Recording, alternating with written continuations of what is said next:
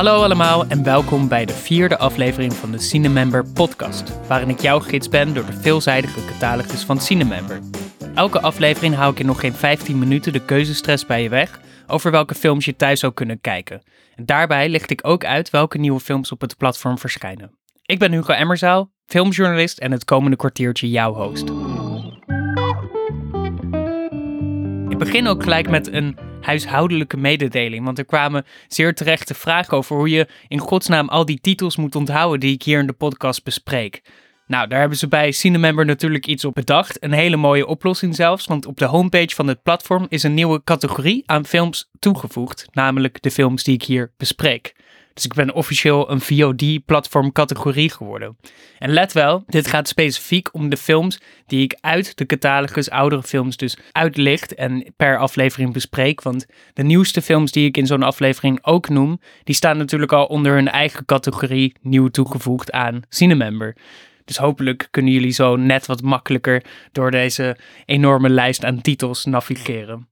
Vandaag ga ik er natuurlijk nieuwe films aan die lijst toevoegen. Sta stil bij de Oscars, want 25 april is alweer de 93ste uitreiking van de Oscars in Amerika. Ik kies twee recente films die ook een Oscar hebben gewonnen. Maar voordat we dat gaan doen, wil ik natuurlijk de nieuwe films toelichten die op het platform staan. En dat zijn er drie deze week, waarvan er eentje die ik een heel warm hart toedraag. Dus ik ben erg blij dat die op Cinemember verschijnt. In 2019 zat ik namelijk in de jury van het Black Movie Film Festival. Een klein underground-achtig, uh, heel tof filmfestivaletje in Genève, Zwitserland, met een focus op cinema uit de hele wereld. Daar draaide een prachtige, aandoenlijke en gelaagde Zuid-Koreaanse coming-of-age film over een tienermeisje die moet leren omgaan met veel van haar complexe gevoelens op het gebied van school en liefde en relaties en familie. Onze jury had de hoofdprijs van het festival ook aan deze film gegeven, die House of Hummingbird heet en door Bora Kim is geregisseerd. Een hele filmbelovende jonge Zuid-Koreaanse regisseur. Ze filmt een beetje in de ingetogen en ontzettend innemende stijl van de Japanse grootmeester Hirokatsu Koreeda, die je misschien wel kent van de Gouden Palmwinnaar Shoplifters. Ik hoop dat er nog een uh, mooie toekomst voor haar in het verschiet gaat liggen. En dat er nog heel veel meer films van haar zullen komen. Want dit is echt een pareltje. En ik ben natuurlijk ook heel blij dat hij nu eindelijk zijn weg naar Cinemember heeft gevonden. Dan gaan we van Zuid-Korea door naar Hongarije voor het minimalistische en ook heel erg innemende en uiteindelijk vooral verpletterende One Day van eveneens een debuterende vrouwelijke regisseur Sofia Selyagi. Zoals de titel doet vermoeden, One Day, gaat deze film over een doodgewone dag in het leven van Anna, die door een schokkende onthulling over haar echtgenoot ineens niet meer doodgewoon is. Interessant om te weten is dat Siljaki vaker als onderdeel van de crew bij films van Hongaarse topregisseur Ildiko Jedi heeft gewerkt. Die heeft met On Body and Soul nog een uh, gouden beer daarvoor gewonnen. En daar heeft ze dus de fijne kneepjes van het vak geleerd. One Day won dan ook op het filmfestival van Cannes de Vipresci-prijs. Dat is de prijs van de internationale filmcritici. In het competitiesegment Semaine de la Critique. Dus dit is ook echt een debuterende filmmaker om in de gaten te houden. En daar gaan we ongetwijfeld meer van zien. We blijven nog heel even in Frankrijk voor het thrillerachtige drama Celle que vous croyez van de al best wel gevestigde Franse regisseur Savine Nebou. Maar belangrijker dan de naam achter de camera is in dit geval misschien wel de persoon die de hoofdrol vertolkt. Niemand minder dan acteerkanon Juliette Binoche speelt hier een gescheiden docent die een nep-profiel aanmaakt van een jonge twintiger op social media. Who You Think I Am is de toepasselijke Engelse titel van dit catfish-drama, zoals dat heet. Want de docent gaat natuurlijk uh, over ontzettend veel ethische grenzen heen wanneer ze op deze manier haar eigen stoplichtrelatie minnaar onder valse voorwenselen opnieuw probeert te verleiden. Met een andere identiteit dus. Ergens is Salkevu Croyer daardoor best een mooie reflectie op onze lockdown-tijd, omdat bijna al het drama van deze film zich afspeelt op de beeldschermen waarmee ze met haar romantische obsessie aan het appen is. Een toepasselijke film dus om binnenkort ook eens op te zetten. Maar in het licht van de aanstaande Oscar-uitreiking, die bij ons natuurlijk altijd in de late uren live wordt uitgezonden, is het misschien ook wel een goed idee om wat eerdere Oscar-winnaars op te zetten. En Cinemember heeft natuurlijk best een aardige verzameling onder het kopje prijswinnaars en dan met het label Oscars. Ik wil er een paar van uitlichten. Eentje omdat die zo goed past, ook in de tijd waar we nu in leven. Dus zelfs voor de mensen die hem misschien al gezien hebben, echt wel de moeite waard is om nog een keer op te zetten. Ik heb het over de liefelijke, maar uiteindelijk ook tragische en droevige science fiction drama Her van Spike Jones. Her verzilverde de Oscar-nominatie voor beste film in 2014 niet. Die ging naar het aangrijpende 12 Years a Slave van Steve McQueen. Maar Jones won wel de Oscar voor beste scenario. Wat de toepasselijke prijs is voor een eigenzinnige filmmaker en scenarist die afgelopen jaar ook een gigantisch dik debuutroman heeft uitgebracht en met I'm Thinking of Ending Things een absoluut absurd en intrigerend mysterieus drama maakte voor Netflix. Her is in die zin veel toegankelijker en vooral een stuk rechtlijniger. Joaquin Phoenix is verbazingwekkend, ja, relatable, herkenbaar als zijn rol Theodore, een ingetogen werknemer van een commercieel webbedrijf dat zich specialiseert in, tussen aanhalingstekens, handgeschreven brieven sturen naar anderen. Het is relatief druk en op zichzelf gekeerd bestaan dat die Theodore leidt. En uh, dat wordt aan het begin verrijkt met een nieuw virtueel gezelschap dat hij via zijn oortjes en zijn speakers en zijn microfoons en zijn telefoon uh, mee kan communiceren. Hij maakt een vrouw van dit operating system en die wordt vervolgens Samantha. En dat wordt door de stem van Scarlett Johansson ingesproken. Wat volgt is een hele boeiende reflectie op eenzaamheid en hoe sociaal contact er in de hedendaagse, maar ook in de toekomstige wereld uit zal gaan zien.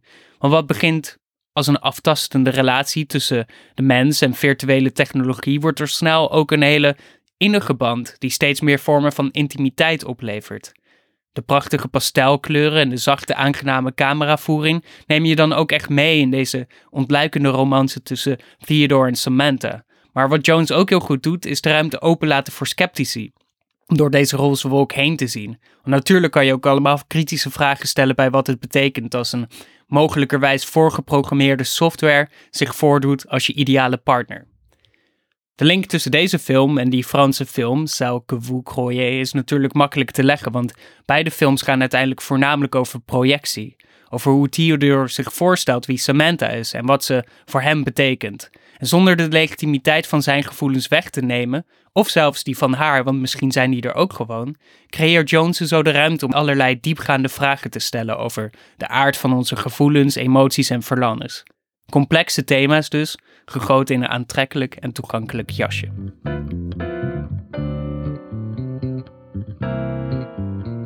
Die omschrijving zou ook kunnen opgaan voor Una Mujer Fantastica, A Fantastic Woman van de Chileense regisseur Sebastián Lelio, die in 2017 de Oscar voor beste niet-Engelstalige film won voor dit knappe portret van een transgender vrouw die rouwt over het overlijden van haar geliefde.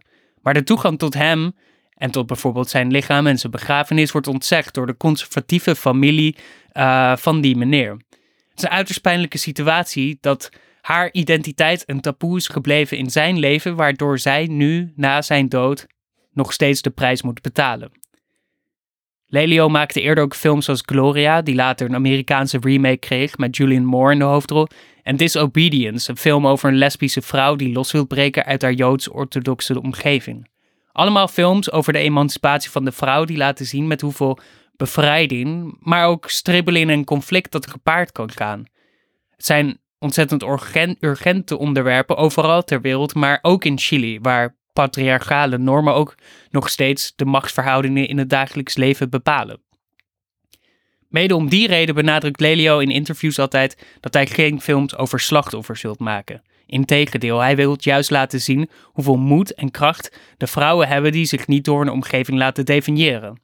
Geen slachtoffer, maar een bron van pure schittering, noemde hij het zo mooi in een interview met VPRO Cinema. Wat hem in het geval van Una Mujer Fantastica bracht bij Daniela Vega, een Chileense zangeres die nog maar één rol op haar naam had staan in de wereld van de film en hier een verpletterende performance neerzet. Zij is dat schitterende middelpunt van Una Mujer Fantastica en brengt een prachtige en hypnotiserende energie naar deze film die flink van zich afbijt richting de gevestigde orde.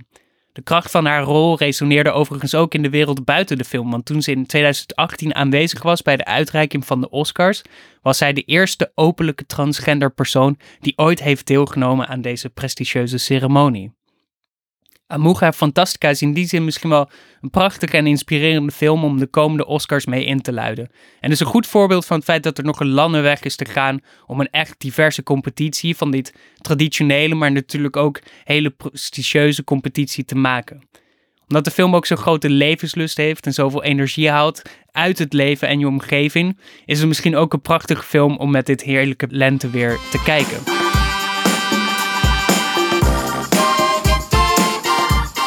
Het Una Mujer Fantastica, Her, Celle que vous croyez, One Day and House of Hummingbird wens ik jullie alvast een hele mooie filmweek met heel veel kijkplezier toe. Volgende week ben ik natuurlijk weer terug met kerstverse titels en oudere parels op het Cinemember platform. In de tussentijd meer filmtips, ga dan naar cinemember.nl of cinemember.be. Op de homepage staan actuele tips, waaronder dus de films die ik hier in de podcast behandel. En op de ontdekkenpagina kun je eenvoudig je eigen filmselecties maken. Voor nu alvast bedankt voor het luisteren. Voor straks ontzettend veel kijkplezier.